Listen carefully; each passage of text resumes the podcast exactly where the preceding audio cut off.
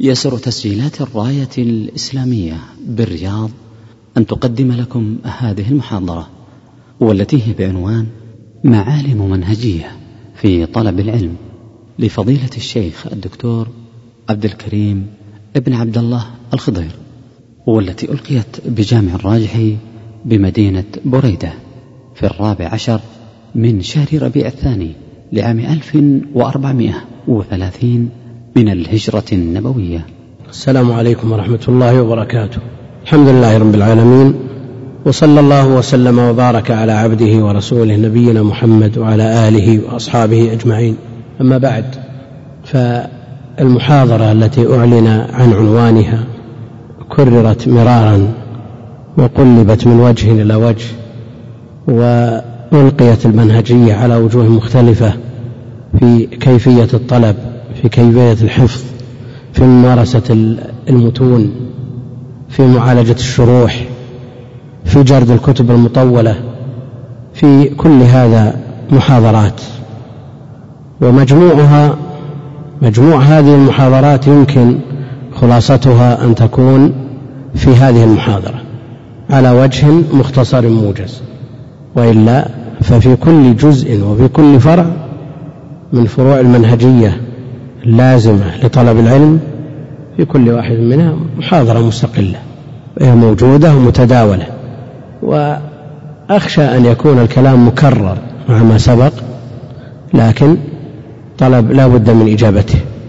فأقول العلم الذي جاء مدحه في الكتاب والسنة ورفعة شأنه وشأن أهله هو علم الكتاب والسنة.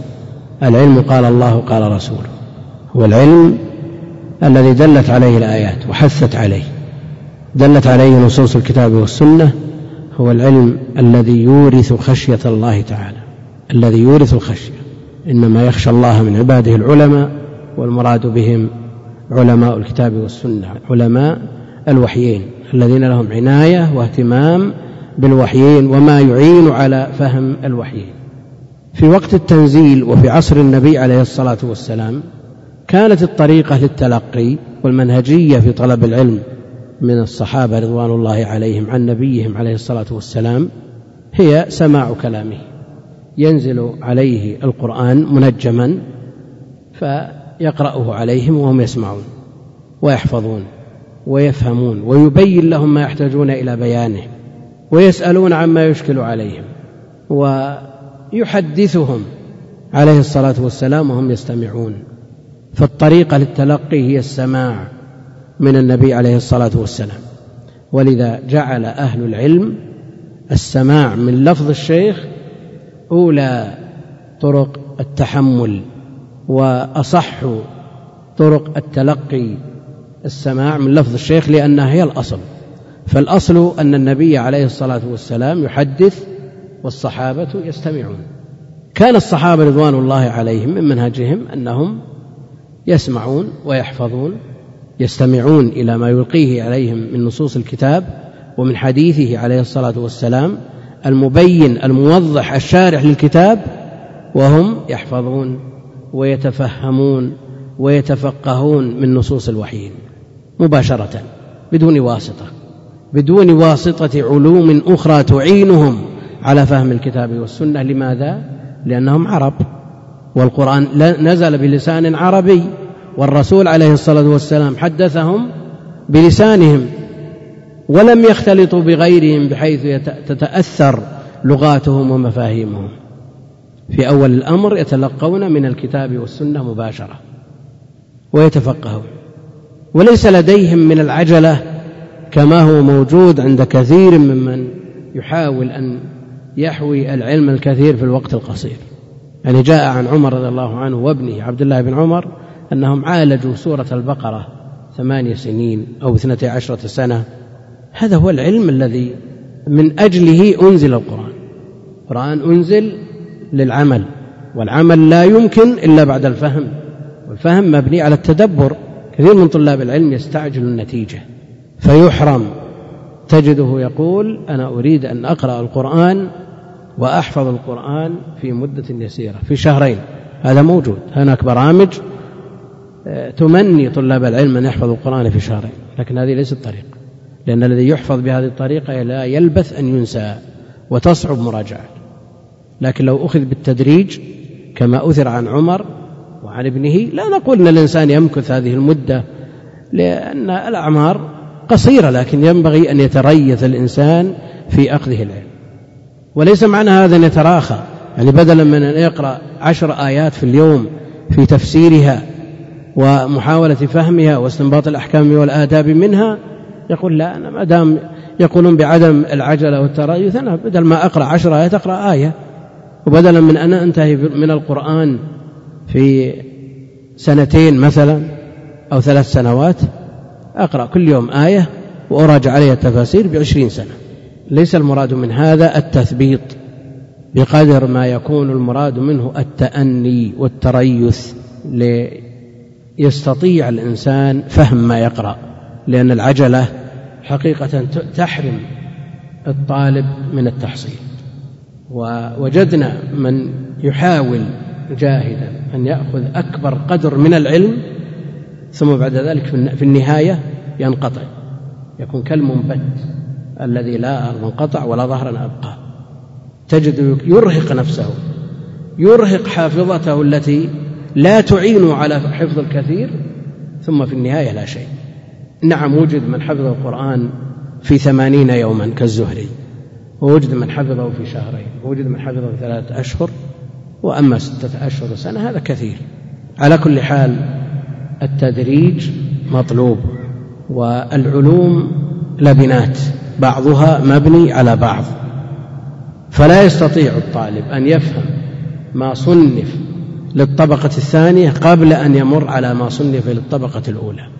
نعود إلى طريقة الصحابة. الصحابة يتلقون عن الرسول عليه الصلاة والسلام مباشرة وليس فيهم الكاتب إلا القليل النادر كعبد الله بن عمرو بل كلهم أو جلهم يسمعون ويحفظون ويفهمون ويسألون عما يشكل عليهم. في أول الأمر نهوا عن الكتابة كما في حديث أبي سعيد.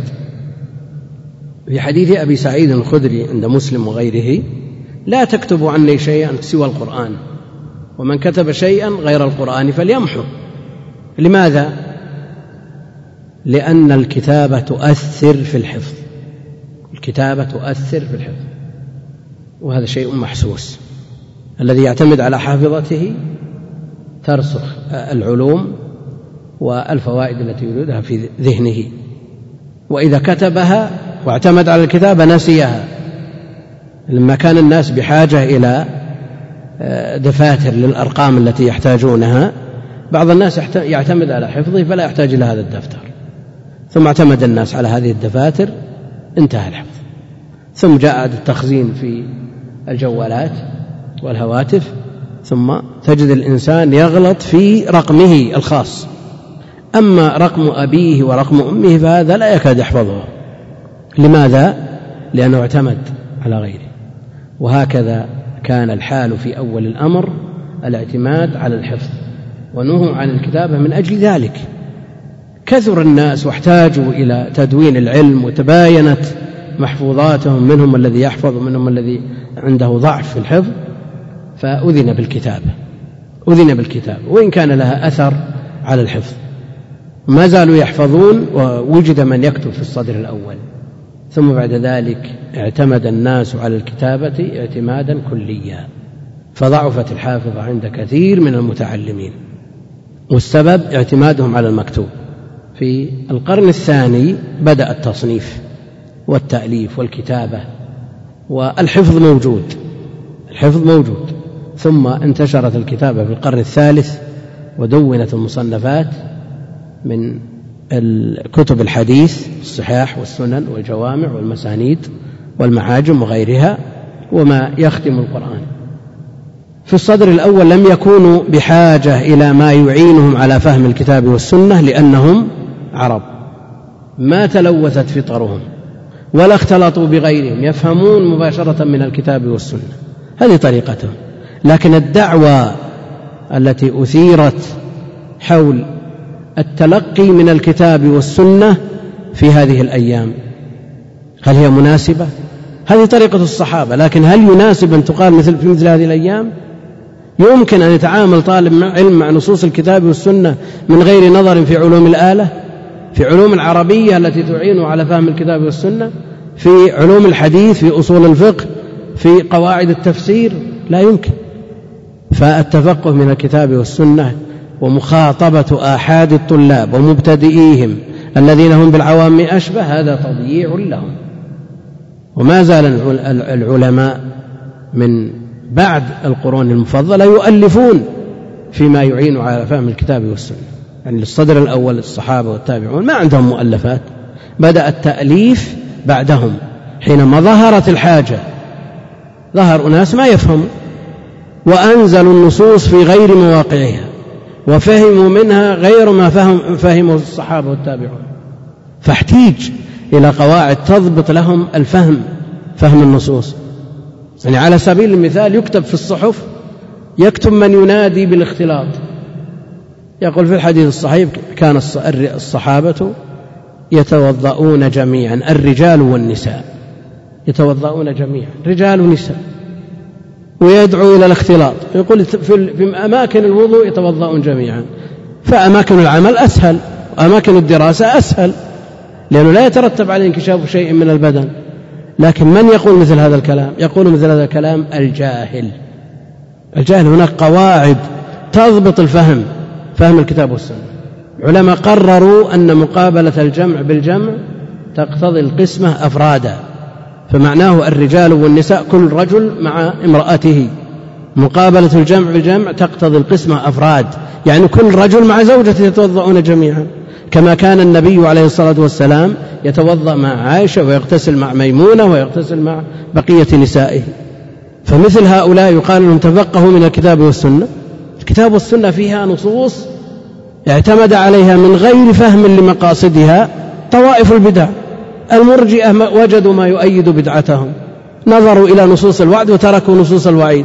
وعكسهم الخوارج والمعتزلة نظروا إلى نصوص الوعيد وتركوا نصوص الوعد لأنهم لم يوفقوا للتوفيق بين هذه النصوص. رأوها متعارضة. ومن الذي يستطيع أن ينظر للنصوص بعينيه كلتيهما؟ هو الذي سار على الجادة هو على جادة أهل العلم الموثوقين منهم. احتاج الناس إلى التأليف فيما يعينهم على فهم الكتاب والسنة والتأليف في هذه العلوم المعينة على فهم الكتاب والسنة ليس بحديث وليس بجديد. يعني أصول الفقه قال أول من دونه الإمام الشافعي مولود سنة 150 من الهجرة متوفى سنة أربع ومائتين علوم الحديث مبثوثة في كتب الأئمة جمعت في المحدث الفاصل وما جاء بعده من الكتب لكنها كانت قواعد محفوظة يطبقها أهل العلم ويتوارثونها ويتداولونها وهي موجودة في كتب الأئمة لكنها منثورة. هل يعول على طالب علم مبتدئ يقال له اجمع هذه العلوم المنثورة من بطون الكتب الكبار؟ يستطيع؟ طالب علم مبتدئ يقال له اعتمد على الكتب القديمة. جامع الترمذي فيه قواعد كثيرة منقولة عن أحمد والبخاري وغيرهما. نقول لطالب مبتدئ اجمع هذه العلوم من هذا الكتاب أو نؤلف له متن يجمع فيه هذه العلوم وييسر عليه الرجوع إليها. هذا الأصل. يعني هذه العلوم ليست مبتدعة هي موجودة أصولها موجودة في كتب أهل العلم لكن العلماء جمعوها. تيسيرا لطلاب العلم. احتاج الناس إلى هذه العلوم فانبرى أهل العلم وصنفوها. ومن الصدر الأول كل شخص يعطى ما يناسبه حدث الناس بما يعرفون. محمود بن الربيع عقل المجة وهو ابن خمس سنين. يعني ما يكلف أن يحدث بما هو فوق ذلك. إن مجة مجها النبي عليه الصلاة والسلام في وجهه فعقلها وأداها. لما بلغ هذا مثل هذا يناسب هذا السن. فالعلماء يعطون الطلاب على حسب ما يناسبهم ويناسب مستوياتهم. ولذا صنفوا الطلاب إلى طبقات طبقة يسمونهم المبتدئين وطبقة تسمى المتوسطين والمتقدمين يعني الكبار. على كل حال صنفوا لكل طبقة في كل فن ما يناسبها في كل فن ما يناسبه ولذا تجدون المؤلفات المختصرة والمؤلفات المتوسطة والمؤلفات المطولة. يعني لو نظرنا إلى ابن قدامة مثلا الموفق ابن قدامة ألف العمدة وكأنه يريده للمبتدئين لأنه على قول واحد وبأسلوب سهل وصدر كل باب من أبوابه بحديث صحيح من أجل أن يتعود الطالب على التعامل مع نصوص السنة والاستنباط منها. ثم بعد ذلك ألف بعده المقنع على روايتين وهو كتاب أيضا مختصر لكنه لا يناسب المبتدئين لأن فيه إلقاء للروايات من غير ترجيح. ألف بعده الكافي وفيه روايات متعددة وفيه شيء من البسط. ثم بعد ذلك ألف الكتاب الموسوعة المغني في شرح مختصر الخرقي وفيه ذكر المذاهب بأدلتها فلا يقال لطالب مبتدئ ابدأ بالمغني.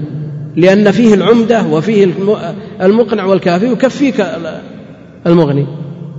هذا تضييع تضييع لطالب العلم. بل لا بد له من الجادة التي مشى عليها أهل العلم. لا بد له من الجادة التي مشى عليها أهل العلم. فإن كان مبتدئا فله ما يليق به. وإن كان متوسطا له ما يليق به. وإن كان متقدما له أيضا من المؤلفات ما يليق به. يعني يسمع بعض الطلاب ثناء الحافظ بن كثير مثلا وإشادة الحافظ بن كثير بعلل الدار قطني. شاب يحب الحديث ويسمع أن أهل الحديث هم إن لم يكونوا أهل الحديث الطائفة المنصورة إن لم يكونوا أهل الحديث فلا أدري من هم كما يقول الإمام أحمد. فيسمع الإشادة بالعلل للدار قطني يذهب فيشتريه ثم يعكف عليه. هل يكمل القراءة يوم واحد في هذا الكتاب؟ ما يمكن. وآخر يحب العقيدة ويحب شيخ الإسلام ثم يسمع كلام ابن القيم واقرأ كتاب العقل والنقل الذي ما في الوجود له نظير ثاني ثم يذهب ليشتري العقل والنقل درء تعارض العقل والنقل ثم يقرأ فيه. حضرنا عند كبار أساتذة العقيدة من شيوخنا الراسخين يطوي مئة صفحة متتابعة يقول هذه ما تفهم من كتاب درء التعارض. هل يستمر مثل هذا في طلب العلم؟ لن يستمر في طلب العلم. هذا أمر مجزوم به مقطوع به. ثم يأتي بعد يسمع ابن القيم يقول وكذلك التأسيس أصبح نقضه أعجوبة للعالم الرباني. فيبحث عن نقد التأسيس وقد طبع كامل مؤخرا ثم بعد ذلك يقرأ فيه صفحة صفحتين ثم يسجر به التنور. ما يفهم شيء. هذا الذي جعل العلماء يصنفون الطلاب إلى طبقات ويؤلفون لكل طبقة ما يناسبهم. يعني قالوا في تفسير الرباني كما نقل عن ابن عباس رضي الله عنهما هو الذي يربي الناس بصغار العلم قبل كباره. يعني بالمتون الصغيرة بالمسائل السهلة قبل المسائل العويصة. يبدأ طالب العلم بالكتب الصغيرة لأنه مبتدئ. سواء كان كبير السن أو صغير السن لأنه لا علاقة للتحصيل بالسن. يتأخر في بداية الطلب ثم يكون مبتدئ ولو كانت لحيته بيضاء وش اللي يمنع؟ مبتدئ. وقد يكون منتهيا متقدما. وإن كان صغير السن الإمام مالك لسبع عشرة سنة أو أكثر ما قيل عشرين سنة يفتي. المقصود أن أنه لا ارتباط بين السن وطبقات المتعلمين. المبتدئين ثم المتوسطين ثم المقصود أن الإنسان يبدأ يحرص يحرص وليه على إلحاقه بدروس العلم. وأولى ما يعتنى به كتاب الله جل وعلا. أولى ما يعتنى به كتاب الله جل وعلا. فإذا كانت الحافظة تسعف ويستطيع أن يحفظ فلا يقدم عليه شيء ولا يخلط معه شيء. يبدأ بحفظ القرآن حتى إذا ضمنه التفت إلى العلوم الأخرى. لأنه لو خلطه أو خلط معه كتب أو فنون أخرى يخشى أن يسترسل مع العلوم الأخرى ويضعف نصيبه من القرآن ثم يجد في النهاية أنه انشغل بأمور أخرى عن القرآن وكثير من هذا الصنف كبروا وتصدروا وهم لا يحفظون القرآن. لأنهم خلطوا معه غيره. طريقة المغاربة كما ذكر ابن خلدون مغاربة يبدأون بالقرآن فيحفظونه كاملا. يحفظون القرآن كامل. قبل أن يبدأوا بأي علم من العلوم. ويكونون بهذا قد ضمنوا حفظ القرآن. وحفظ القرآن خير ما يعين على التحصيل في جميع الفنون. جربنا هذا في طلاب الجامعة. يأتي طالب حافظ ما شاء الله يعان على كل شيء. ويأتي طالب ما نصيبه من الحفظ ضعيف يتعثر في كل شيء. طريقة المغاربة كما قال ابن خلدون في مقدمته الشهيرة أنهم يحفظون القرآن كاملا قبل أن يبدأوا بشيء من العلم. وهذه أيضا طريقة المصريين إلى وقت قريب. كنا نقرأ في الكتب يقول شرح الكفراوي مطبوع ومكتوب عليه مقرر السنة الأولى الابتدائية في الأزهر الشريف. الكفراوي ما هو بالمتن الأجرمية الكفراوي شرح الكفراوي. مقرر السنة الأولى الابتدائية.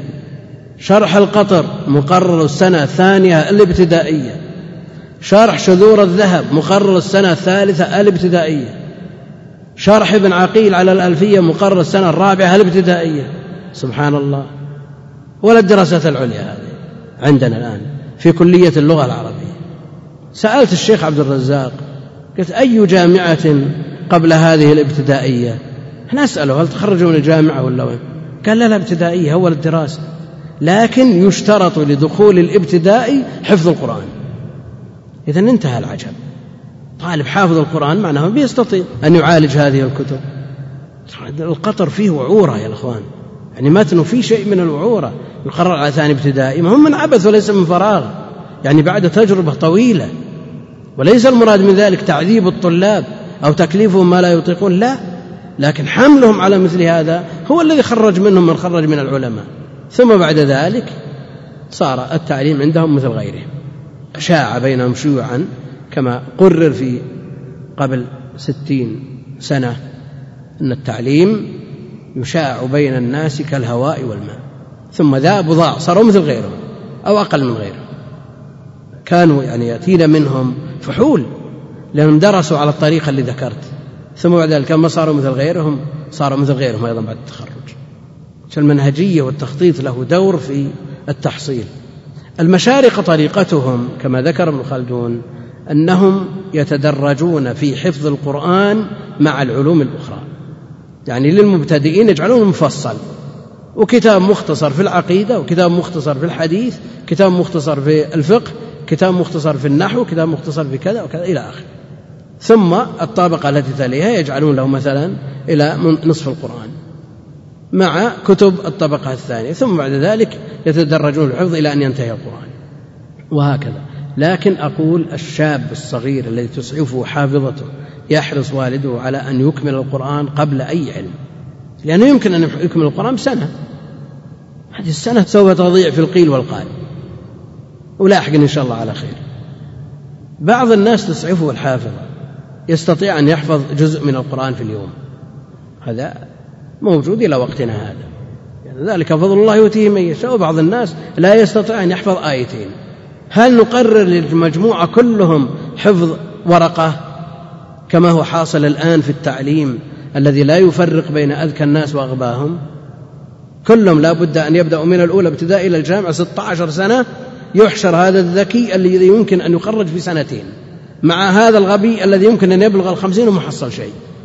أليس هضما لحق هذا وتحطيم له؟ يعني من مطلوب من من من القائمين على التعليم أن يعيدوا النظر في هذه الكيفية. الشيخ حافظ الحكمي رحمة الله عليه جاءهم الشيخ القرعاوي رحمة الله عليه في الجنوب سنة 1358 وطلب من الشيخ حافظ أن يلتحق بدروسه فرفض أبوه يضيع رعاية الغنم. فلما مات الأب سنة ستين التحق بالشيخ سنة ستين. متى ألف معارج القبول؟ سنة 62 سنتين ولذلك يقولون ذلك يقولون أول سن لبداية الطلب. جمهور أهل الحديث يقولون خمس سنين ويجعلون حديث محمود بن الربيع أصل لهذه المسألة لأنه عقل المجة. وجرى على هذا عموم أهل الحديث فيحضرون الصغار للسماع فيكتبون لمن بلغ الخمس سمع ولمن لم يبلغ الخمس حضر. يثبتونه في الطباق يثبتونه في السماع إذا كان أكمل الخامسة. لكن هل هناك سن مضطرد يجمع الناس لصحة التلقي. المحققون منهم قالوا المعول في ذلك على التمييز. المعول في ذلك على التمييز. ومن الصغار من يميز لخمس منهم من يميز لأربع ومنهم من يميز لسبع ومنهم من قد يبلغ العشر ما ميز. فكل على ما وهبه الله جل وعلا تكون منزلته. ويصنفون على هذا الأساس. لكن مثل هذا التفاوت مع كثرة الراغبين في التحصيل فيه فيه صعوبة يعني. صنف كل شخص بمفرده له مرحلة خاصة والذي أقل منه في في الفهم آه، له مرحلة هذا صعب. لكن جمعوا ذلك كما جاء في الحديث مروا أولادكم بالصلاة لسبع. يعني جعل السبع غاية. يميز لها أكثر الناس. نعم قد يوجد من يميز لخمس ولست وقد يوجد من لا يميز ولا لسبع ولا لثمان ولا لتسع. لكن هذا السن باعتبار أن التشريع عام يشمل الناس كلهم فلا ينظر إلى كل شخص بمفرده لأن هذا فيه صعوبة. جعلت السبع حد للأمر بالصلاة والعشر حد للضرب على الصلاة. لماذا ما ترك التقدير للأب؟ متى ما ميز ولد تأمر بالصلاة؟ لأن الآب عندهم شفقة على أولادهم. شفقة على أولادهم. فمنهم صاحب التحري الذي يجيب الولد أبو ثلاث سنين يؤذي الناس. والله ولدي مميز. وهذا من شدة حرصه على الخير. والثاني لا عنده شيء من التساهل عند باب المسجد ولده عمره عشر سنين يقول الله ما ميز. فجمع الناس كلهم لسابع هذا في التشريع العام لكن في الأمور الخاصة كل إنسان له ما يخص كل إنسان له مواهبه. فلا يحشر هذا الذكي مع ذلك الغبي. وهذا السريع الفهم مع بطيء الفهم هذا قوي الحافظة مع ضعيف الحافظة. فيهاب نهيب بالقائمين على التعليم أن ينتبهوا لمثل هذا يراقب الطلاب من أول سنة يدخلون فيها المدارس. فالموهوب لا يحشر مع الضعاف والغبي جدا لا يحشر مع المتوسطين. وهذا أمر سهل يعني تقسيم الناس إلى ثلاث فئات أمر سهل. يعني فئات متقاربة لا يلزم أن يكونوا بدقة هذا عنده من من الذكاء عشرين بالمئة لا تزيد ولا تنقص وهذا عنده خمسين وهذا عنده سبعين لا ما يلزم لكن التقارب مطلوب. أهل العلم صنفوا للمبتدئين كتب تناسب عقولهم وهذه الكتب مختصرة جدا ثم هذه الكتب شرحت ليرجع إليها المعلمون ويحضروا منها الدروس وقد يرجع يرجع إليها بعض الطلاب النابهين. طيب هذا الطالب المبتدئ يقرأ هذا المتن ويحفظ هذا المتن ثم بعد ذلك يسمعه الشيخ. طيب لماذا الشيخ ما يسمع الطلاب كما كان النبي عليه الصلاة والسلام يسمع الصحابة؟ القسم الأول من أقسام التحمل السماع من لفظ الشيخ هو الأصل. لما كان بالمقدور أن يجمع الناس ويلقي عليهم الشيخ لكن كثر الناس كثرة تجعل هذا شبه متعذر. وصار الطلاب يأتون أفواج ويصعب أن كل فوج يجلس لهم الشيخ ويسمعهم الحديث. فاتخذ الناس طريقة أخرى وهي العرض والقراءة على الشيخ. القراءة على الشيخ وهي المعمول بها الآن في الدروس. يقرأون على الشيخ والشيخ يشرح ويقرر ويستدل لها بما جاء في الصحيح من حديث ضمام بن ثعلبة وهو الأصل في الطريق الثاني من طرق التحمل السماء القراءة على الشيخ وهو العرض. اعتمد الناس على هذه الطريقة وصارت معتمدة أكثر من السماع. لا لأن السماع قليل الفائدة والجدوى يبقى السماع هو الأصل يبقى السماع هو الأصل. ثم بعد ذلك يليه العرض ومنهم من فضل العرض. والإمام مالك رحمه الله تعالى لا يعرف عنه أنه قرأ الحديث على أحد وإنما يقرأ عليه. يعني يتلقى عنه بطريق العرض. وغيره من من العلماء في الصدر الأول يسمعون يعني يقرؤون على الطلاب الحديث سواء كان من حفظهم أو من كتبهم. زاد الناس وكثر الطلاب كثرة لا يمكن. ولا يتصور أن الشيخ يسمعهم ولا يقرؤون عليه. فاحتاج الناس إلى ما يسمى بالإجازة. الإجازة. لا يسمعون من الشيخ ولا يقرؤون على الشيخ. يأتون للشيخ فيختبرهم إذا كانوا يعني أهل لأن يجازوا برواية الكتب يجيزهم. يقول أجزت فلان بن فلان أن يروي عني صحيح البخاري أو الكتب الفلانية المدونة في فهرستها وما أشبه ذلك. هذه طريقة من طرق التحمل يعني احتيج إليها. وإلا في الأصل ليست يعني في, في الواقع لا يوجد ما يسندها من لغة ولا شرع. لكن الحاجة داعية إليها وهي نظير ما يسمى الآن في الدراسات النظامية الانتساب.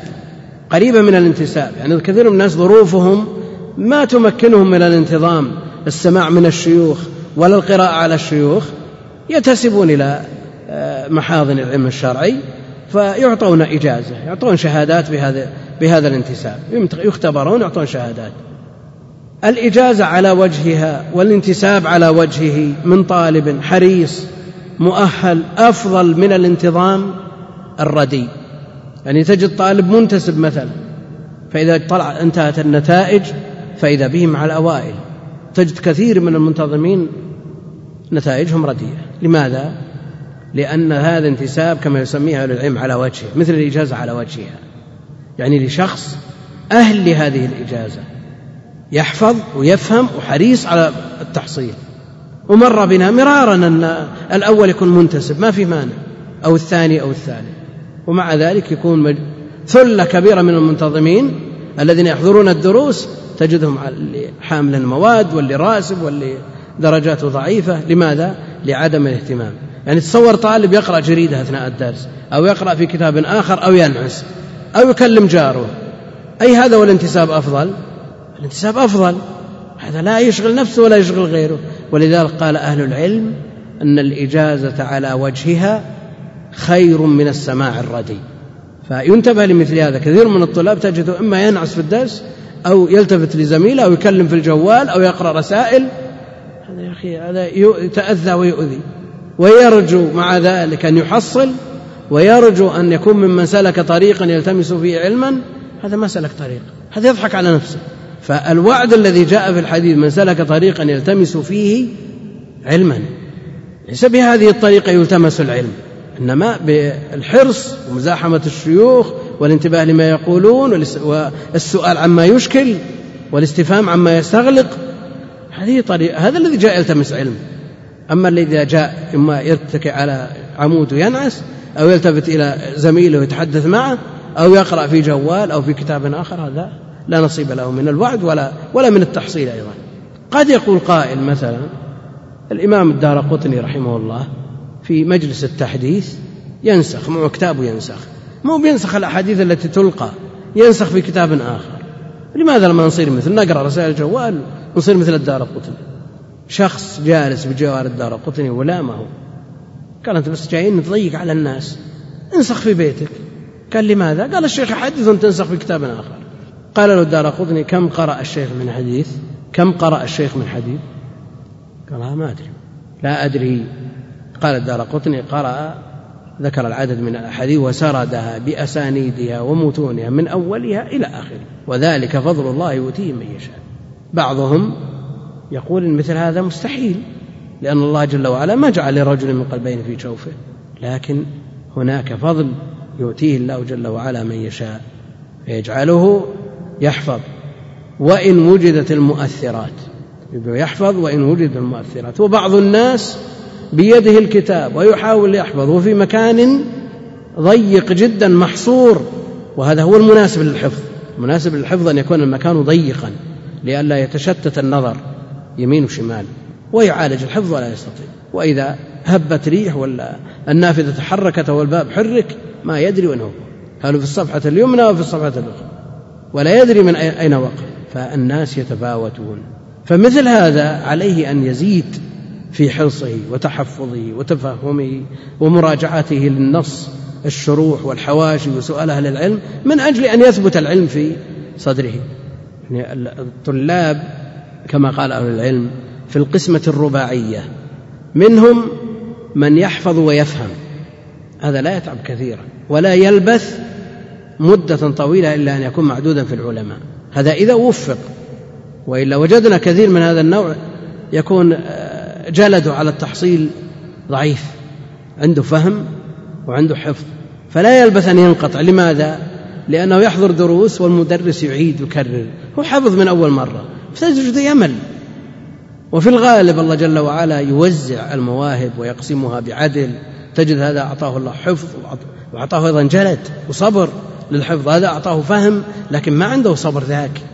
فالقسم الأول الذي يحفظ ويفهم الثاني الذي يحفظ ولا يفهم والثالث الذي يفهم ولا يحفظ والرابع الذي لا هذا ولا هذا. من أعطي الفهم والحفظ هذا تيسر له السبيل. يسر الله له السبيل.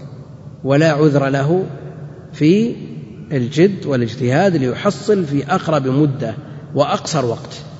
الثاني الذي يحفظ ولا يفهم. يحفظ مستعد يحفظ أي مقطع تعطيه إياه. ذكروا عن عن شخص ترجم له في كتب تواريخ الأندلس أنه قال من فضول محفوظاتي كتاب الأغاني. يعني ما بجي إلا كتاب الأغاني. 30 مجلد احفظه. ما بقي له وتجد بعض طلاب العلم الحريص على التحصيل يعالج الأربعين النووية أشهر ويا الله يكمل. وهذا يقول من فضول محفوظات الأغاني لأبي الفرج الأصفهاني ومعدود في أهل العلم. ماذا عن الكتاب والسنة والشروح والحواشي و... هذا حفظ كل شيء. اللي وصل به الحد إلى أن يحفظ الأغاني ما بقي له شيء.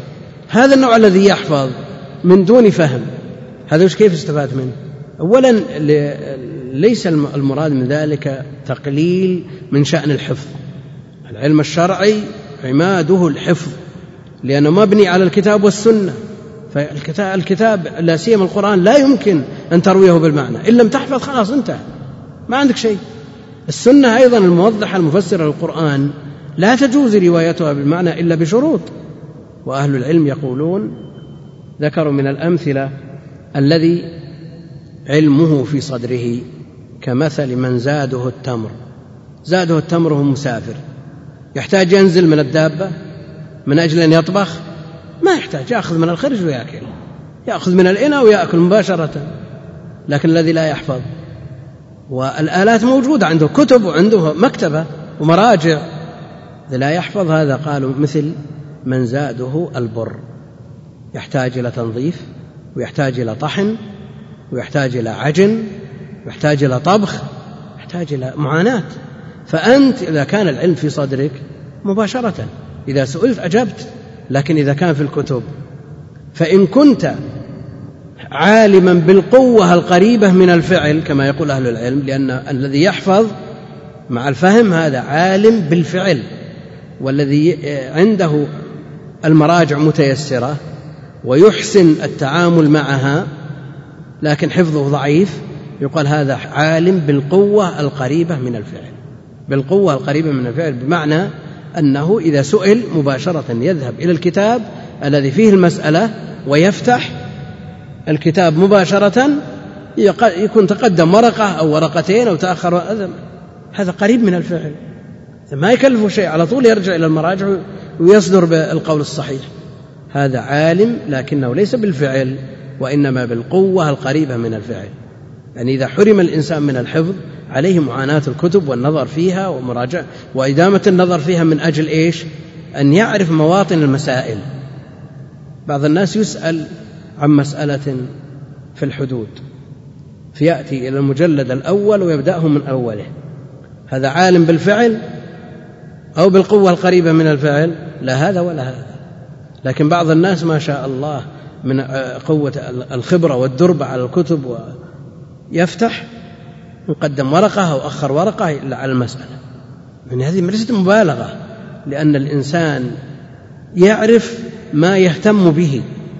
تجد بعض الناس يحفظ من أرقام الهواتف الشيء الكثير لكن لو تسأل عن سورة ما حفظها. يحفظ أرقام السيارات سواء كانت لمعارفه وأصدقائه وأقاربه أو لبعيد الناس. أي سيارة تمر يحفظ الأرقام والرموز الحروف. ليش؟ لأنه يهتم بهذا. عنده اهتمام منصب إلى معرفة السيارات وموديلاتها وأرقامها تجد يحفظ. إلى الهواتف إلى أي نوع من أنواع متاع الدنيا تجده إذا صب اهتمامه عرف. لكن تسأل عن مهمات الدين لأنه لم يهتم بها ما يسعفه الجواب ما عنده جواب. ومع الأسف أن نجد في شبابنا من تجده يحفظ أسماء أعجمية ما تدري كيف استطاع أن ينطقها لأنهم كما يقال نجوم نجوم فن أسماء أعجمية عويصة يعني تحتاج إلى دربة طويلة للنطق بها. وتسأل عن أبي هريرة وعن ابن عباس وغيرهما من الصحابة ما يعرف شيء. تجده في المرحلة الثانوية. لماذا؟ لأنه انصب اهتمامه إلى هذا الجانب. واعتنى به فحفظ ولم ينصب اهتمامه ولم يقم لم يرفع رأسه للاهتمام بهم. مع ذلك ما يحفظ شيء من أخبارهم ولا أقوالهم. وكذلك العلم. إذا انتبه الإنسان إليه واهتم به وجعله نصب عينيه. أعانه الله جل وعلا على تحصيله. أما شخص يقول والله بيصير عالم ومع ذلك الليل سهر والنهار نوم. يؤذيك حر المصيف وبرد الشتاء ويبس الخريف فأخذك للعلم قل, قل لي متى اليوم والله ربي أنا بنطلع وبكرة ما أدري إيش وين؟ متى العلم؟ ما يحصل علم. من طلب العلا سهر الليالي. يعني العلم تبذل فيه المهج. يعني ذكرنا مرة قصة الواحد من شيوخ شيوخنا ما الذين لم ندركهم. قالوا في ليلة عرسه ليلة زواجه ليلة الزواج. لما دخل على المرأة تذكر آية قرأها في الصلاة وأشكل معناه عليها فنزل إلى المكتبة ومن تفسير إلى تفسير إلى أن أذن أذن لصلاة الصبح. ليس العرس. بهذا يحصل العلم. نحن نقول لا إفراط ولا تفريط. يعني يمكن تمر ليلة بهذه الطريقة لكن لا ينبغي أن يكون كل العمر بهذه الطريقة. لأن لنفسك عليك حق ولزوجك عليك حق ولزورك عليك حق. فأعط كل ذي حق حقه. فالعلم يؤخذ بالتدريج لكنه يؤخذ بحزم وعزم. ما يؤخذ بالتراخي. والذي يسوف لا يحصل علم. تجده يقول نبي نبدأ من أول الشهر. أو يقول من أول السنة. أو من أول الأسبوع. فإذا جاء أول الأسبوع الله فاتها اليوم. غدا من الأسبوع الثاني. وهكذا. ثم يذهب العمر لا شيء. فالتسويف آفة. من العوائق عن التحصيل. فإذا حدثتك نفسك بطلب العلم فمن الآن ورتب نفسك ورتب وقتك لأن كثير من طلاب العلم يتخبط. ما يدري كيف يقرأ ولا من أين يبدأ ولا من تجده اليوم في كتاب كذا وغدا لا هذا طويل نبدأ بالكتاب الثاني لا هذا صعب نبدأ بالكتاب ثم ينتهي عمره لا شيء. من توفيق الله جل وعلا لطالب العلم أن يدله الله على شيخ يرسم له الطريق من أوله. كثير من طلاب العلم إذا تخرج في الجامعة من كلية الشريعة أو غيرها وجد نفسه محرجا. الناس تنظر إليه على أنه شيخ تخرج من الشريعة فتجده استفتى. فإذا به لا شيء لا شيء يسأل ولا يجيب. ثم تحدثه نفسه بطلب العلم فيجد نفسه في مفترق طرق.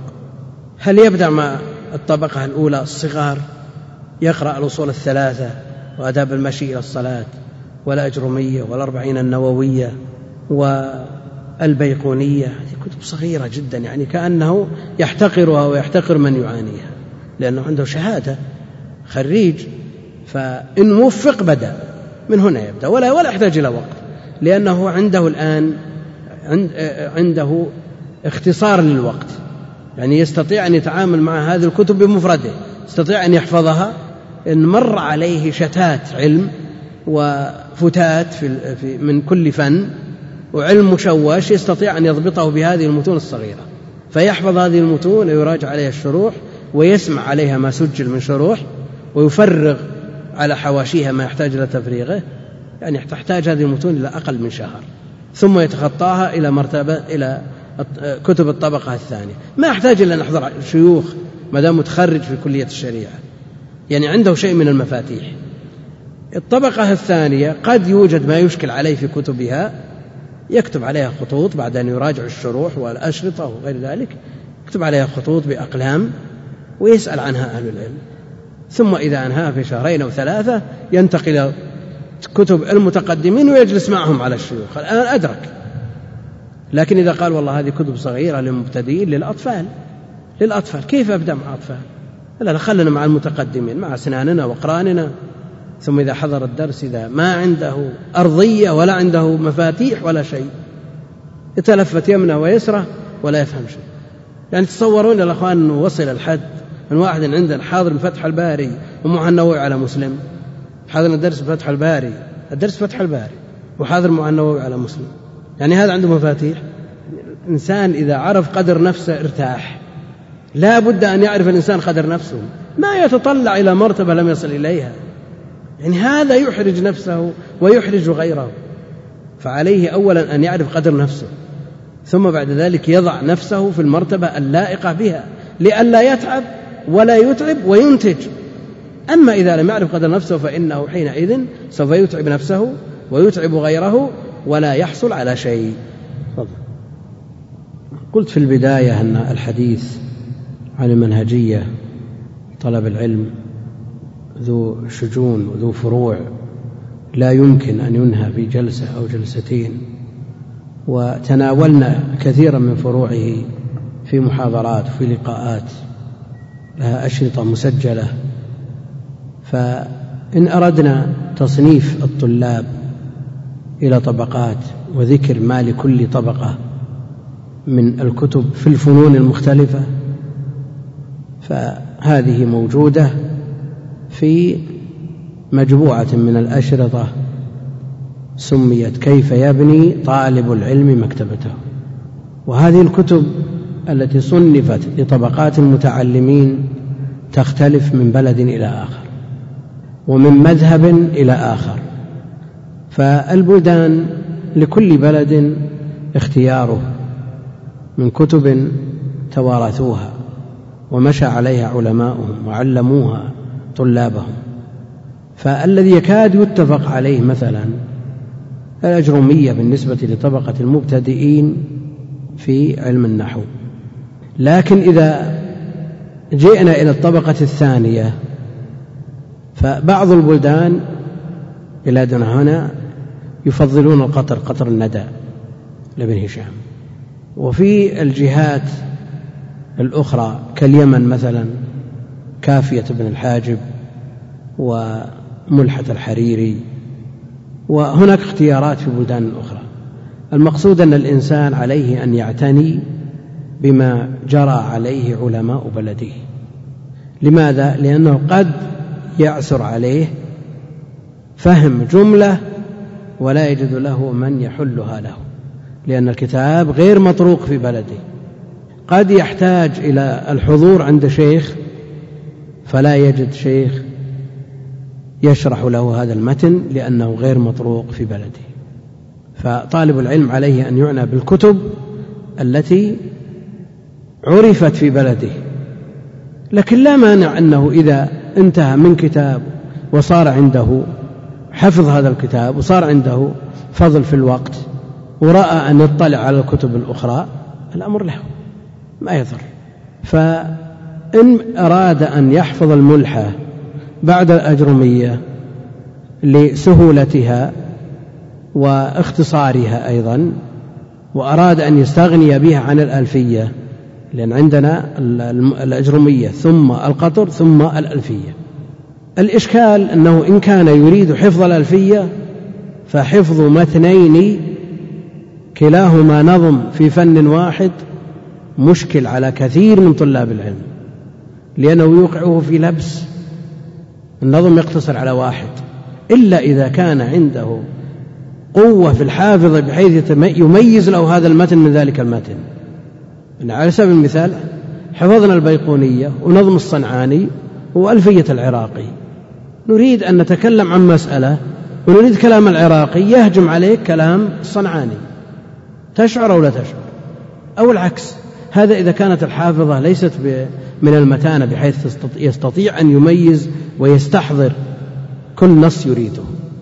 لأن النظم النظم يهجم على القلب فإذا أردته أحيانا يسبق إلى اللسان غير ما تريد بخلاف النثر. النثر كأن فيه شيء من السعة النثر لو ما عزوت فإنما تتكلم به كلاما مرسلا سهل لأنك أحيانا قد يقول وش الفرق؟ وش المانع؟ أنت تريد من الألفية فهجم عليك الصنعاني نظم النخبة وأجئت منه. أقول ما في مانع إذا كانت المسألة محددة وليس لها ذيول. استوفاها العراقي ولم يذكرها الصنعاني. لكن كان لها ذيول وشروط وأقسام وأمثلة استوفاها العراقي وما استوفاها الصنعاني لأن الصنعاني خمس ألفية مئتين بيت. ما يمكن أن يستوفي ما يستوفي العراقي. فكيف تأتي بهذه الشروط وأنت أتيت بأصل المسألة من الصنعاني؟ هذا يصعب جدا. فأقول من المنهجية في العلم التركيز على كتاب واحد يكون هو المحور الذي تدور عليه الكتب الأخرى. وشرحنا هذا فيما يتعلق بعلم الحديث. في طريقة بسطت وسجلت وعليها أمثلة ضرب عليها أمثلة تراجع يعني في مظانها. ما نحتاج إلى أن نعيد ونكرر. فيعتني طالب العلم بالكتب المعروفة في بلده. بعد أن توسع الناس وكثر الطلاب وكثر أهل العلم وكثرت آه، أنظارهم وتباينت وجهات أنظارهم تجد أدخل على بعض البلدان الكتب التي تقرأ في بلدان أخرى. يعني فقه الحنابلة مثلا في هذه البلاد المعتمد الزاد. المعتمد زاد المستقبل. الدليل متى عرف؟ ما عرف إلا بعد أن توسع الناس وشرح بشرح مبسط اسمه منار السبيل. وخرجت أحاديثه يعني خدم من كل جهة. فرأى كثير من الناس أن عبارته أسهل من الزاد ومخدوم من حيث التحليل اللفظي ومن حيث الاستدلال. رأى بعض العلماء أن يشرحه لطلابه. وإلا في هذه البلاد هو معروف عند حنابلة الشام الدليل. معروف عند حنابلة الشام لكن لما خدم وتيسر معاناته. سهل يعني الأمر سهل. وإلا ما في ولا نصف مسائل الزاد. قد يقول قائل لماذا لا نعمد إلى هذا الكتاب السهل الميسر ونترك الزاد الصعب الذي يشكل على كثير من يقول لا يا أخي ترى السهولة ليست مقصد. ولا يربى طالب علم على أساليب سهلة. لا يمكن أن يربى طالب علم يدخر للمستقبل ليكون عالما ينفع الله به الأمة إلا إذا ربي على أساليب أهل العلم. التي فيها شيء من الصعوبة والوعورة. لأنه إذا هضم هذا الكتاب وفهم هذا الكتاب اللي فيه أسلوب صعوبة يسهل عليه ما عداه يعني تفهم الدليل يشكل عليك مسائل في الزاد. تفهم الزاد لا يشكل عليك شيء من الدليل. وأبعد من ذلك إن فهمت مختصر خليل هذا ليس من كتب من كتب الحنابلة إنما معروف عند المغاربة المالكية. إن فهمت مختصر خليل فلن يشكل عليك شيء من أساليب الفقهاء. في الحديث مثلا إن فهمت شرح ابن دقيق العيد على عمدة الأحكام فلن يشكل عليك شرح. تقول والله أنا أدرس عمدة الأحكام أو أدرس عمدة الأحكام أبكتفي بتيسير العلام. تيسير العلام كتاب مدرسي يفهمه طالب العلم وهو في بيته. يستلقي على قفاه في الملحق ويقرأ تيسير العلام ويفهم. ما في إشكال. لكن ما يربى طالب علم يدخر للأمة على مثل هذه الكتب. يعني نفع الله به نفعا عظيما. سهل يعني المثقف العادي يستفيد منه ويوصى به. لكن طالب علم يرجى أن للمهمات يدخر للملمات يشرح للناس مسائل العلم هذا ما يمكن أن يربى على كتب المعاصرين. ولذا أذكر أنه أقيم دورة في هذا المسجد وفي غيره من المساجد. انتقي كتب لشيوخ معاصرين ووكل إليهم شرحها. إيش كانت النتيجة؟ كم عدد الحضور؟ لا شيء. أنا أدركتهم يعني, يعني أحيانا ما يصلون إلى عشرة. لماذا؟ لأن كتاب الشخص هذا المعاصر مع علمه وفضله وجلالة قدره أفهمه في البيت. ما أحتاج إلى أن أركب السيارة وأجي المسجد. لكن لم انتظمت الآن الدورات ونظمت بدقة فأقبل الناس عليها. عشنا حوالي عشر سنين في الدورات العلمية تخبط. كل واحد يقترح عليه كتاب أو يقترح عليه باب من كتاب أو أو الشيخ يقترح كتابه. ما, ما, ما يجدي مثل هذا. رتبت الدورات الآن وأنهي متون وأعرف في مناطق كتب الطبقة الأولى كلها شرحت وحضر ثلة من طلاب العلم حضروا بعدها كتب الطبقة الثانية وكلها شرحت وسجلت وكتب الطبقة الثالثة كذلك المتقدمين انتهوا منها. والآن الذين حضروا من الأول يدرسون في المساجد يعني أهل للتدريس مرة تدعى لشرح كتاب النكاح هذا في الصيف لأن يكثر فيه الزواج. تدعى لشرح كتاب النكاح من كتاب كذا. طيب أوائل الكتاب وين؟ ما, ما شرح منها شيء. قالوا له مناسبات أخرى. ثم تدعى مرة ثانية لكتاب النكاح من كتاب ثاني. تدعى لشرح كتاب المناسك من كتاب. تخبط. هذا عشنا عشر سنوات ما لمسنا نتيجة. ثم بعد ذلك انتبه الإخوان القائمون على الدورات المنظمون لها فرتبوا جداول ونفع الله بها نفعا عظيما وأجدت وأثمرت وبنى الطلاب واستفيد منهم من هذه التجربة في مناطق أخرى وعم خيرها ولله الحمد والمنة. هذا يقول من هل من الأفضل أن يعني يهتم طالب العلم بالعلوم الشرعية كلها بالتساوي أم يجعل لنفسه علم يتخصص فيه ويتقنه مع تعلمه سائر العلوم ولكن بنفس ليس بنفس التعمق للعلم الذي تخصص فيه؟ أولا العلم الشرعي بجميع فروعه وحده مترابطة متكاملة. لا يستطيع أن يتخصص في القرآن من لا يعرف السنة. لا يستطيع أن يتخصص في السنة من لا يعرف من لا يحفظ القرآن. أو لا ليست له عناية بكتاب الله. ولا يستطيع أن يفهم الكتاب والسنة من ليست له عناية بأصول الفقه وقواعد التفسير وعلوم الحديث. وعلوم العربية بفروعها الاثني عشر. وأي إنسان يتصدى للتفسير أو لشرح الحديث وليست عنده العلوم متكاملة لا بد أن يظهر في شرحه الخلل. سمعتم وسمعنا الكثير ممن يتصدى لهذه الدروس ثم إذا مرت به مسألة عسفها على طريقة غير مرضية. لماذا؟ لأنه ينقصه بعض العلوم التي تحل له هذا الإشكال. فالوصية لطالب العلم أن لا يتخصص. يقرأ كتب مثل ما ذكرنا الطبقة الأولى ويفهمها ويحفظها ويراجع عليها الشروح ويحضر فيها الدروس والثانية والثالثة ثم بعد ذلك يتخصص ما في إشكال. يكون له ميل إلى علم من العلوم يتوغل فيه ما في إشكال لأن عنده ما يستطيع أن يحل به ما يشكل عليه في العلوم الأخرى. يقول طلب العلم في العلوم غير الشرعية. هل تنطبق فيه فضائل العلم الشرعي؟ لا. العلم الذي جاءت النصوص بمدحه ومدح حامليه هو العلم الشرعي. قال الله وقال الرسول. ويندرج فيه ما ما يستعان به على فهم الكتاب والسنة. أما العلوم الأخرى التي الأمة بحاجة إليها تبقى من فروض الكفايات. يؤجر الإنسان عليها بقدر ما عنده من نية وينال أجره المرتب عليه في الدنيا لأنه مثل العلوم مثل العلوم الأخرى. الفرق بين الطب والهندسة والزراعة والصناعة والنجارة ما فيها فرق. الأمة بحاجة إليها لا يجوز أن تعطل هذه العلوم. لكن ليس الفضل المرتب في الكتاب والسنة على العلم منصب إليه. وتفيد قلب الإنسان بقدر ما تنفعه في التفكر. لأن بعض هذه العلوم تعينه على التفكر. تعينه على التفكر.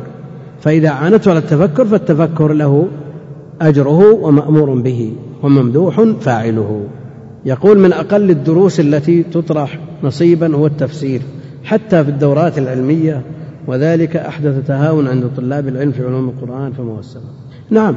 يعني إذا نظرنا إلى الجداول الحافلة التي تنشرها آه، وزارة الشؤون الإسلامية وجدنا في بعض البلدان في الأسبوع أكثر من مئة درس في الأسبوع الواحد.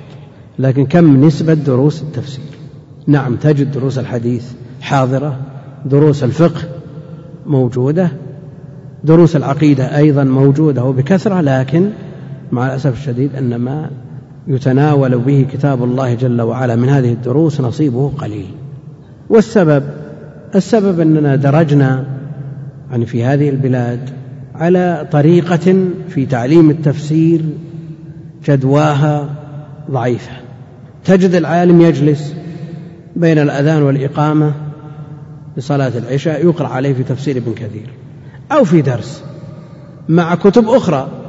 يقرأ عليه في تفسير ابن كثير ورقة ورقتين ثلاث في نصف ساعة أو ساعة. كيف يعلق الشيخ على ثلاث ورقات في ساعة؟ تجد إما يصحح خطأ لحن أو يبين كلمة غامضة ويمشي.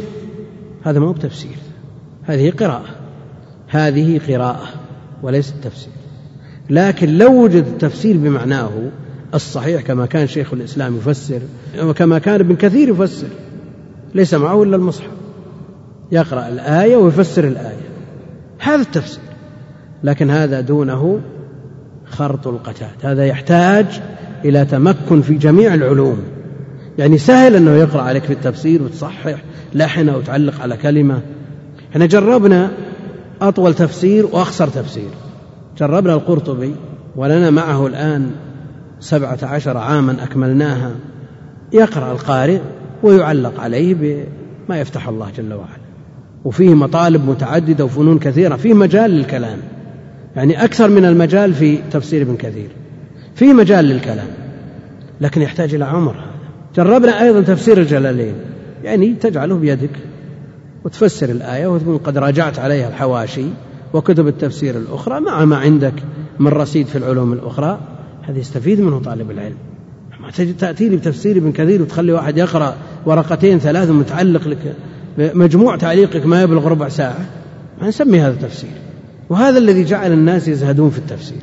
لقلة الفائدة. في تفسير ابن كثير كل إنسان عنده نسخة وكل إنسان يقرأ من طلاب العلم. لكن لو وجد مفسر بالفعل لاجتمع عليه الناس من الآفاق. وهذا المأمول في أهل العلم وطلابه. أن يعتنوا بكتاب الله جل وعلا وأن يولوه العناية التامة وأن يعطوه حقه لأنه كلام الله والكتاب الذي من قام يقرأه كأنما خاطب الرحمن بالكلمة أنت تخاطب الله جل وعلا بينما الكتب الأخرى تخاطب المؤلفين. يقول هل يستطيع هل يستطيع شاب أن يكون طالب علم وهو ملتحق بجامعة علمية بحيث يجمع بين العلمين؟ مع الأسف أن الآن العلم صار يطلق على الفنون التجريبية التطبيقية. كليات العلمية عندهم طب والهندسة والعلوم أما كلية الشريعة وصول الدين هذه كليات نظرية ليست علمية. هذا قلب للفهوم هذا حيد عن الصواب كليات العلمية. لا الذي يدرس في كلية الطب أو في كلية الهندسة أو في كلية من الكليات التي يسمونها العلمية يستطيع أن يجمع لأن العلم يوجد فيه الكتب الصعبة المتينة المخصصة للمتخصصين ويوجد الكتب السهلة المبسطة التي صيغت بأسلوب العصر يفهمها كل قارئ. فتقرأ مثلا أنت غير متخصص طالب هندسة طالب طب بإمكانك أن تقرأ في تفسير الشيخ ابن سعدي وتفهم لكن ما تستطيع أن تقرأ في البيضاوي مثلا وهو بحجمه لأن هذا المتخصصين. تقرأ في تفسير ابن سعدي ما يشكل عليك شيء. وليس فيه مخالفات يخشى عليك منها لأنك طالب غير متخصص وليست عندك الأرضية والأهلية التي تعينك على الفهم. لا مانع أن تقرأ في تفسير ابن سعد لا مانع أن تقرأ في تفسير العلام لا مانع أن تقرأ في الشرح الممتع. بعد أن كان الزاد من أصعب الكتب ذلله الشيخ رحمة الله عليه حتى صار في متناول الناس كلهم كلهم يفهمون. يعني تقرأ الشرح الممتع الممتع كأنك تسمع صوت الشيخ رحمه الله. لكن هل نقول لطالب الطب اقرأ الروض المربع علشان تفهم الزاد؟ مستحيل. ما يمكن يفهم الزاد من خلال الروض المربع. هذا للمتخصصين. يقول إذا بدأ طالب العلم بالقرآن فحفظه كاملا لكنه لم يراجعه. فبدأ بالعلم وانشغل وإذا أراد أن يراجع القرآن الكريم فإذا به صعب عليه مراجعته ويراجع القليل منه ويهمل جانب العلم. فيتخبط بين مراجعة القرآن وبين طلب العلم فتضعف همته. فما توجيهكم. أولا مثل ما قلنا أن طالب العلم لا بد أن يرتب وقته. يعني عنده في الدراسة النظامية جدول. الحصة الأولى كذا الثانية كذا الثالثة كذا اليوم الثاني كذا إلى آخره. يجعل جدول. حفظ القرآن مراجعة القرآن الموفق الذي يقوم قبل صلاة الفجر بساعة أو أكثر فيحفظ نصيبه من القرآن اليومي ويراجع ما سبق. وهذا أفضل وقت للحفظ. وقت النزول الإلهي. ولا يحتمل أحد يرن عليك جوال أو يطرق عليك باب. إذا كنت مقيدا عن قيام الليل كحالنا وحال كثير من طلاب العلم فبعد صلاة الصبح. اجلس في مصلاك ومعك مصحفك وكتاب تفسير مختصر أو كتاب من كتب غريب القرآن. اجلس واقرأ نصيبك اليومي. هذا على حسب ما يتيسر. الذي لا تخل به سفرا ولا حضرا. لأن الإنسان إذا ما اعتمد خطة دقيقة هذا يشوش عليه الوقت ويضيع عليه الفائدة. فإذا اقتطع نصيب يعني جعل له ورد يوم ولو جزء واحد ليختم في كل شهر. يعني الأفضل أن يقرأ القرآن في سبع فيقرأ نصيبه في ساعة ثم يلتفت إلى الحفظ والمراجعة. هذا ما يكلف شيء. يعني الآن الصلاة على خمس. يستطيع أن يقرأ نصيبه اليومي ويختم في سبع ويحفظ ما يشاء ويراجع ويقرأ يراجع كتب الغريب في ساعتين يعني سبع قبل الدوام ينتهي. هذا خاص للقرآن طول العمر. يعني كثير من أن يصرف هذا الوقت الذي هو سنام الوقت يعني لكتاب الله جل وعلا. والله ما هو كثير إن كنت مرتبط بدوام ولا بدراسة اذهب للدراسة. فإذا رجعت ضع ساعة بعد العصر للسنة. احفظ منها ما تستطيع. وراجع عليه الشروح. المغرب إن كنت تحفظ تحضر درس. فاحضر وإن كان ما عندك آه، شيوخ يعلمون في بلد ليس به أحد فاجعل للمغرب مثلا العقيدة وبعد صلاة العشاء آه، التفقه في الدين. وبهذه الطريقة وبهذا الجدول تمشي. فلا يشوش عليك أنت معك. أحيانا نشوف بعض الطلاب يجيب له شنطة فيها عشرين ثلاثين كتاب. بساعة براجعها مستحيل هذا. هذا مستحيل. يأتي بكتاب واحد وكتاب يعينه على فهم ما يشكل في هذا الكتاب. أما أن يريد أن يحوز العلم من كل وجه وبأقرب فرصة وأسرع وقت هذا مآله إلى الانقطاع. يقول أرى في ابني أصلحه الله علامات النجابة وأحاول جهدي أن أربطه بالكتاب والعلم ولكن أرى فيه سجية الملل السريع فما الحل والطريقة الملائمة لمثل هذه المشكلة؟ والإشكال أن الملل له أسباب. قد يكون غريزي بعض بعض الشباب بعض الصغار من أصلهم ملول حتى الكبار فيهم ملل. الكبار بعضهم فيه ملل. ولذا يأتي كثير من طلاب العلم يسأل يقول هل الأفضل أن أقتصر على فن واحد حتى أتقنه وأنتقل إلى الفن الآخر أو أنوع؟ آخذ الفنون كلها في يوم واحد ومن الغد كذلك ومن بعد نقول انظر إلى تركيبك. هل أنت صبور أو ملول؟ إن كنت ملولا لا تلزم كتاب واحد.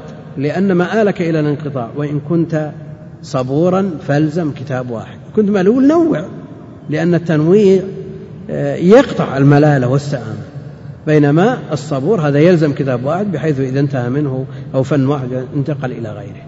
فمثل هذا الولد أيضا الكتب وطبيعة الكتب بعضها يبعث على الملل وبعضها يبعث على الهمة والنشاط. الهمة والنشاط يعني طالب العلم المتقدم الذي يقرأ في الكتب المطولة. أو يريد أن يقرأ وهو في الجامعة مثلا حببت إليه القراءة فيريد أن يقرأ.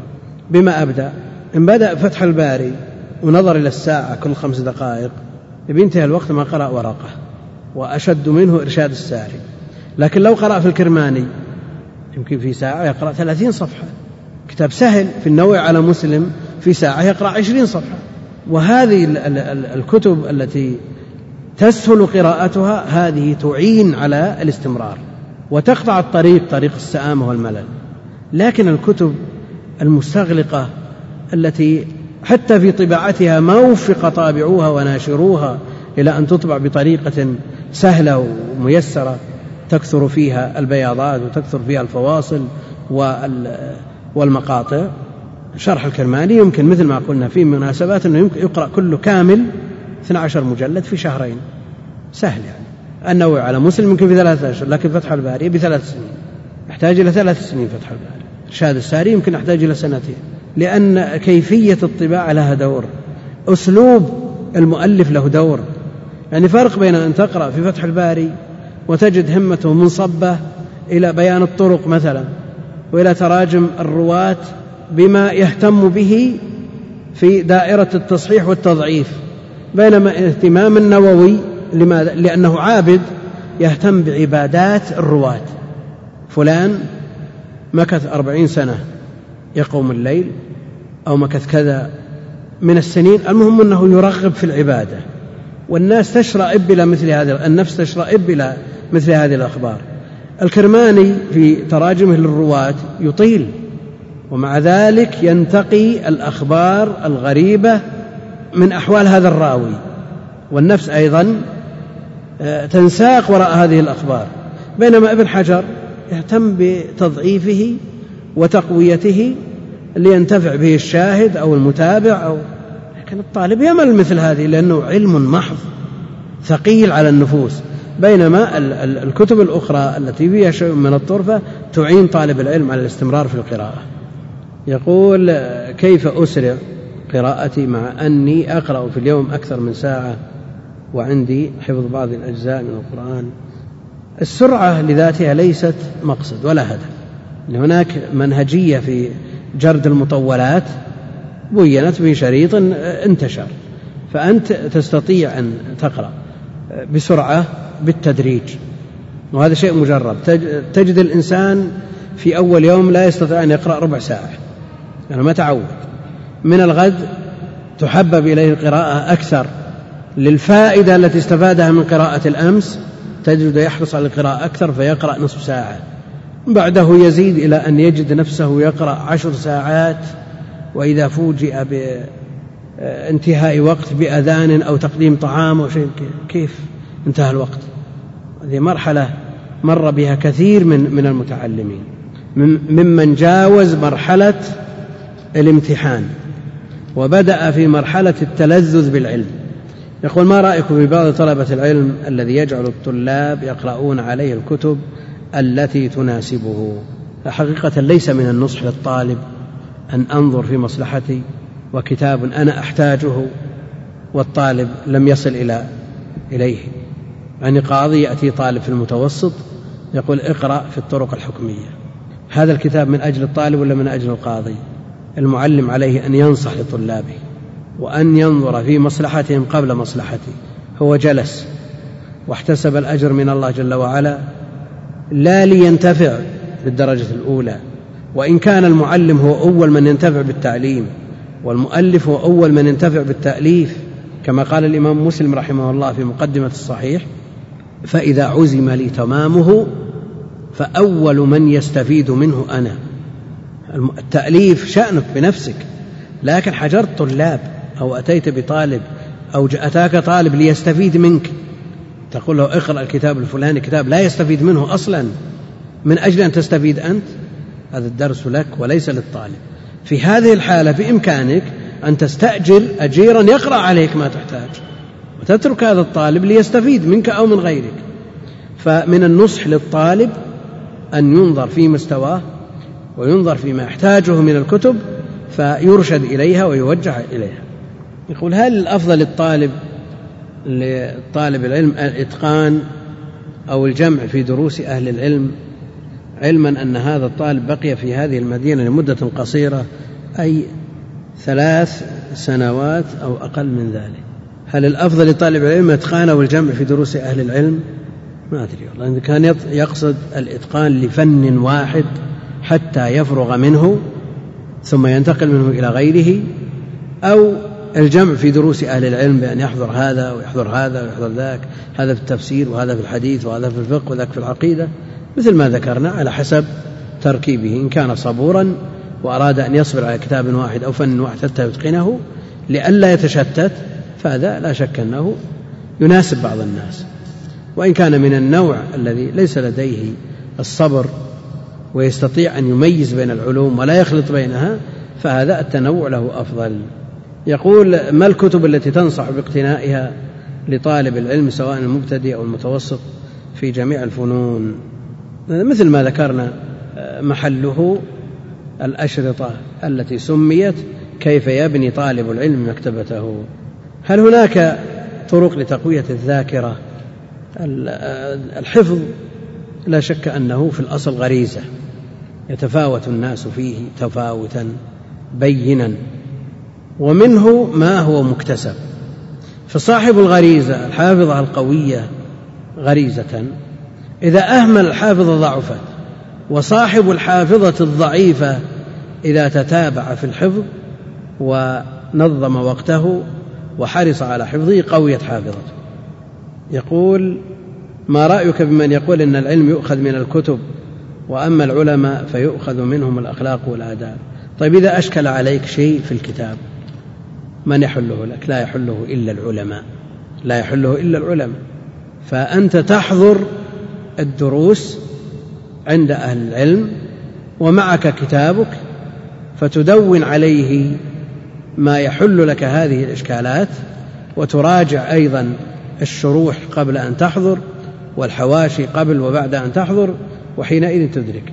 أما الاقتصار على الكتب وفيها إشكالات كثيرة منها ما هو في أصل المادة العلمية ومنها ما هو آه، طارئ عليها بسبب سوء طباعة أو سوء نسخ خطية وما أشبه ذلك. هذا لا يصححه إلا أهل العلم. ولذا يؤثر من كان شيخه كتابه. قالوا كان خطأه أكثر من صوابه. يقول أنا شاب غير ملتزم وأحضر المحاضرات الدروس العلمية وأجد حرجا من ذلك. فهل يعتبر ذلك من المتناقضات ويدخل ذلك في النفاق؟ فهل أترك طلب العلم أم أستمر؟ الترك ليس بحل. ترك ليس بحل. وهذا نظير طلاب العلم الذين يقولون عجزنا عن تصحيح النية. فهل نترك؟ نقول لا. الترك ليس بحل. عليك أن تجاهد. أن تجاهد نفسك. وتسعى لتصحيح نيتك. وإذا علم الله منك الصدق أعانك. ويؤثر. عن بعض المتقدمين أنهم طلبوا العلم لغير الله فأبى إلا أن يكون لله. لكن ما يستدرج في مثل هذا الكلام حتى إذا أتت المنية والإنسان عاجز عن تصحيح نيته لأن العلم عبادة محضة لا يجوز فيه التشريك وأول من تسعر بهم النار يوم القيامة ثلاثة منهم العالم الذي أطال في التحصيل في تعلم العلم وتعليمه ثم يؤتى به ليحاسب فيقال له ماذا فعلت؟ فيقول ربي تعلمت العلم وعلمت الناس وعلمته الناس. فيقال كذبت إنما تعلمت ليقال عالم. فهذا من أول من الثلاثة الذين هم أول من تسعر بهم النار يوم القيامة. هذا الشخص الذي يلاحظ على نفسه بعض المخالفات عليه أن يقلع عنها وخير ما يعين على التحصيل التقوى. اتقوا الله ويعلمكم الله. والمخالفات نقيض التقوى لأن التقوى فعل الأوامر واجتناب النواهي. وما يعين على الحفظ ترك المعاصي والمنكرات. شكوت إلى وكيع سوء حفظي فأرشدني إلى ترك المعاصي وقال أعلم بأن العلم نور ونور الله لا يؤتاه عاصي. يقول ما تقول في طالب علم ألف كتابا فهل تنصحه بإخراجه للناس وهو لم يكتمل في التأسيس في طلب العلم؟ لا. المعل... طالب العلم يعني من خير ما يعينه على التحصيل التأليف. وما زال طالب يعني في مرحلة المتوسطين. إيش معنى تأليف؟ إن كان الكتاب مختصر يجمع له شرح من الشروح ومن كتب الغريب من كتب اللغة من كتب يجمع له شرح. إن كان طويل يختصر. طريقة من طرق التحصيل لكن لنفسه لا لغيره. لا يفاجأ الناس غدا إلى أنه منشور يفيد به الناس وما ما إلى الآن ما, ما حصرم. هذا يركنه على جنب ويراجعه مددا متطاولة ويعيد النظر فيه ويطلع عليه أهل العلم فإذا نضج حينئذ ينشره للناس. من يعتمد على الفهم لا لأن الحفظ غير مهم بل لأن الحفظ عسير عليه علما أنه حافظ لكتاب الله ومستحضر لمتون الحديث. فهل يمكن أن يستمر على ذلك أم لا بد أن يحفظ؟ يحاول أن يحفظ. ما دام حافظ لكتاب الله وحافظ لمتون وفهمه جيد وسريع هذا يستفيد كثيرا من معالجة الشروح. والله أعلم وصلى الله وسلم وبارك على عبده ورسوله نبينا محمد وعلى آله وأصحابه أجمعين.